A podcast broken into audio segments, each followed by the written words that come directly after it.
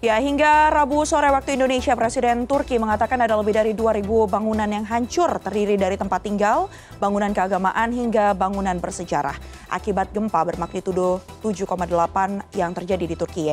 Hal ini juga terjadi di Suriah dan kita akan bahas bersama dengan peneliti geologi gempa bumi Badan Riset dan Inovasi Nasional, Mudrik R. Daryono yang sudah terhubung melalui sambungan Zoom. Selamat malam, Pak Mudrik. Selamat malam. Ya, Pak Mudrik, kita akan bahas tentang uh, gempa yang terjadi di Turki. Ini kan memang dinilai sebagai yang paling dahsyat, bahkan dalam 100 tahun terakhir. Melihat dari dampak gempa yang begitu masif, selain memang kekuatannya 7,8 magnitudo, apa saja sih Pak sebenarnya yang menjadi faktor penyebab gempa Turki yang juga terasa sampai Suriah ini begitu dahsyat, Pak? Ya, jadi uh, apa itu karakteristik dari setiap sesar itu berbeda-beda jadi di East Anatolian Fault namanya dari sumber gempa bumi dari kejadian gempa bumi yang sekarang terjadi itu dia bergeser dan dia itu memang menghasilkan gempa bumi magnitudo yang rata-rata di atas magnitudo 7 dari kelasnya tujuh setengah, tujuh delapan, tujuh enam, lalu menghasilkan semacam itu. Itu yang uh, fakta dari uh, East Anatolian Fault yang memang menghasilkan gempa bumi yang besar semacam itu. Uh, kalau kita bicara soal pusat gempanya, ini kan uh, dikatakan adanya di Kahraman Maras ya Pak ya, uh, dan ini juga akhirnya membuat uh, ada lima atau empat lah area-area besar dengan penduduk yang juga banyak di sana begitu. Jadi uh, total ada sekitar lima daerah yang terkena dampak terparah. Dan dinyatakan pula ini adanya di pertemuan beberapa lempeng dan juga patahan. Betul, Mbak. Jadi ya. uh, turki itu berada di pertemuan tiga lempeng besar dari mm-hmm. uh, lempeng uh, afrika lempeng arab kemudian lempeng eurasia jadi pertemuan itu menyebabkan satu kota negara turki itu dia kita sebut sebagai uh, uh, tersendiri mikrokontinen yang dia bergerak dengan cepat sekali dan salah satu sesar utamanya itu ada dua sesar utama North Anatolian, uh, Anatolian Fault satunya East Anatolian yang kita dari gempa kemarin itu adalah East Anatolian Fault. Jadi dia itu bagian yang sangat cepat bergerak dari proses uh, tumbukan pertemuan dari tiga lempeng itu itu yang terjadi, Pak. Baik, ya, pertemuan juga dari tiga lempeng yang ada karena kalau kita tahu Turki ini memang berada di salah satu zona gempa paling aktif di dunia ya Pak ya. Uh, tapi yang juga jadi pertanyaan publik, apakah kemudian uh, aktivitas gempa yang terjadi di Turki ini, apakah kemudian nanti juga akan berdampak pada uh, aktifnya uh, lempeng-lempeng lain yang ada di sekitarnya Pak?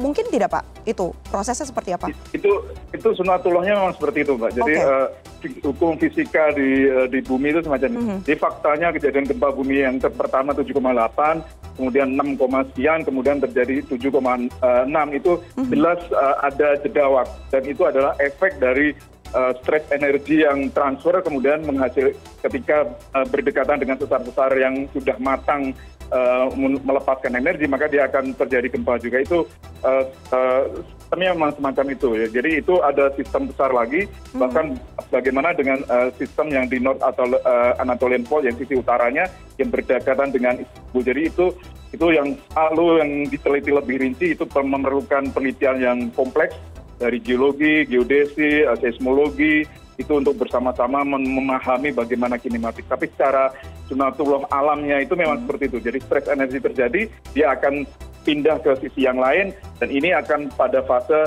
menghimpun energi. Siklusnya memang semacam itu, Mbak. Oke, tapi berarti artinya uh, siklus gempa yang terjadi di Turki dengan uh, magnitudo terbesar di 7,8 ini sebenarnya sudah bisa diprediksi ya Pak sebelumnya?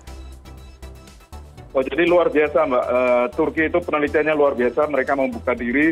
Banyak peneliti peneliti internasional. Uh, saya pun juga uh, sedang berusaha untuk melakukan penelitian di sana juga. Itu banyak penelitian di sana. Itu mempelajari dengan detail sumber-sumber aktif di sana. Kemudian melakukan studi yang rinci untuk mengetahui. Jadi itu sudah uh, banyak sekali pengetahuan di sana. Tetapi uh, itu lagi kita berhadapan dengan alam. Jadi bisa jadi uh, kita perkirakan magnitudenya jauh lebih kecil tapi faktanya eh, yang datang uh, yang terjadi adalah jauh lebih besar daripada perkiraan itu sesuatu yang yang uh, wajar terjadi. Dan di Turki sendiri sebenarnya yang dikhawatirkan itu adalah uh, peneliti banyak mengkhawatirkan yang di utaranya yang di dekatnya kota Izmir dekatnya Istanbul itu yang secara siklus dia yang jauh lebih kurang lebih sama 7,8 di sisi sebelah sana. Jadi itu penelitiannya besar-besaran di sana, tetapi ternyata yang terjadi di sisi sebelah selatannya di East Anatolian Fault ini. Jadi sesuatu yang ya dinamikanya memang seperti ini, Mbak. Nah itu faktornya apa Pak yang membuat hal itu yang justru terjadi? Nah, jadi uh, dalam memahami alam itu Mbak ya, hmm. uh, sangat apa ya uh, bukan senilai yang absolut. Jadi ada pendekatan-pendekatan yang di situ ada ketidakpastian. Jadi sisi utara kita harus memahami dengan bagus bagaimana kopling itu bekerja ketika kita mempelajari itu itu banyak sekali ketidakpastian dan kita harus uh, dekati dengan uh, pendekatan asumsi-asumsi untuk membuat itu sesuatu yang bisa kita uh, pelajari lebih detail. Jadi teknisnya semacam itu dan itu banyak hal yang tidak pasti sehingga kita memiliki kekurangan makanya dilakukan riset jadi kita mencari terus menerus untuk memahami lebih detail dari mekanisme pergerakan uh, tektonik yang ada di. -hmm pasti upaya mitigasi juga harus terus digencarkan ya Pak ya dari uh, bencana yang sudah terjadi di Turki yang juga berdampak hingga ke Suriah dan sejumlah negara lainnya. Uh, apa yang kemudian harus diantisipasi secara global begitu dari adanya pergerakan yang tadi Bapak sempat sebutkan juga?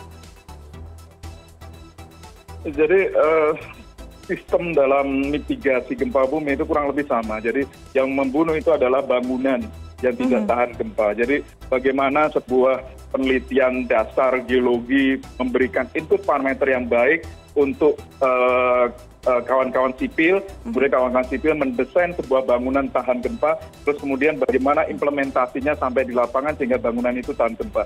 Jadi uh, banyak uh, tangan yang terlihat, pemerintah pun juga harus juga melaksanakan apa itu uh, regulasi yang kuat supaya uh, bangunannya itu semuanya uh, sistemnya semacam itu. Jadi ketika kita memberikan suatu input parameter itu ternyata di bawah dari perkiraan terjadi gempa sesungguhnya itu itulah yang jadi masalah. Jadi kita harus apa mempelajari dengan detail dan kita harus lakukan terus menerus untuk memahami dengan rinci sumber-sumber aktif yang ada di sini contoh kasus di sini itu ada bangunan yang enggak ada bangunan yang roboh jadi hmm. ada Eh, banyak kemungkinan kemungkinan kenapa banyak sekali kerusakan terjadi ada kemungkinan juga mungkin um, um, uh, parameter gempa bumi yang diterapkan di pemerintah daerah di situ pun juga di bawah dari perkiraan yang datang gempa bumi yang terjadi di sini. Jadi itu kemungkinan-kemungkinan yang kita tidak tahu, tetapi uh, effort untuk melakukan penelitian itu harus selalu terus-terus dilakukan.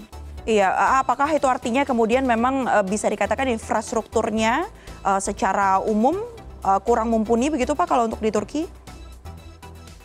Uh, saya tidak tahu pastinya mm -hmm. Mbak ya, tapi ke, kalau kita lihat ada beberapa case yang kemarin itu ada bangunan yang dia kolaps, ada sisi kiri kanannya itu tidak apa-apa itu contoh di gambarnya kan jelas. Jadi itu jelas uh, dia mendapatkan beban guncangan gempa yang um, general semuanya akan mendapatkan guncangan yang sama gitu. Kemudian ada satu bangunan yang dia tidak roboh, ada bangunan yang dia tetap berdiri. Jadi itu uh, ada beberapa kemungkinan jelas dia kalau tidak dia roboh berarti dia tahan gempa yang satunya roboh karena dia tur kan jadi apa faktornya penyebabnya itu bisa jadi regulasi pemerintahnya uh, ternyata salah dalam menentukan input parameter bisa jadi pelaksanaannya dalam pembuatan bangunannya itu tidak sesuai dengan uh, SOP-nya apa masih banyak hal yang kita tidak tahu dan itu pemerintah Turki yang bisa menentukan. Ya, gempa susulan juga masih terus terjadi seiring dengan uh, proses evakuasi ya Pak ya dan juga pencarian korban yang terus dilakukan oleh aparat yang ada di sana.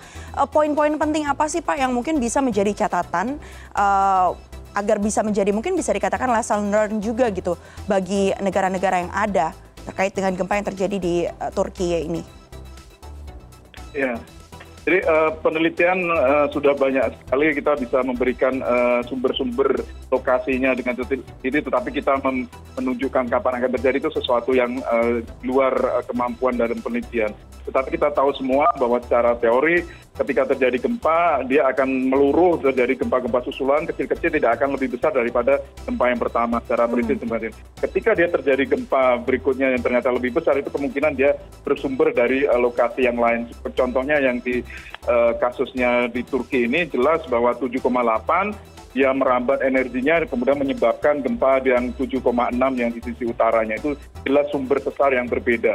Jadi hmm. dinamis dinamika stress transfer kayak gini itu seperti ini itu adalah hal yang lumrah dan itu harus dipelajari dengan seksama dan implementasi ke bangunan bangunan tahan gempa itu sesuatu yang sangat penting sekali untuk kita lakukan bersama harus ada analisis yang komprehensif kemudian juga ditelurkan atau dihasilkan diarahkan menuju ke tadi ya penyediaan bangunan-bangunan tahan gempa agar kemudian dampaknya bisa diminimalisir korban-korban akibat terjadinya gempa yang melanda begitu ya Pak ya.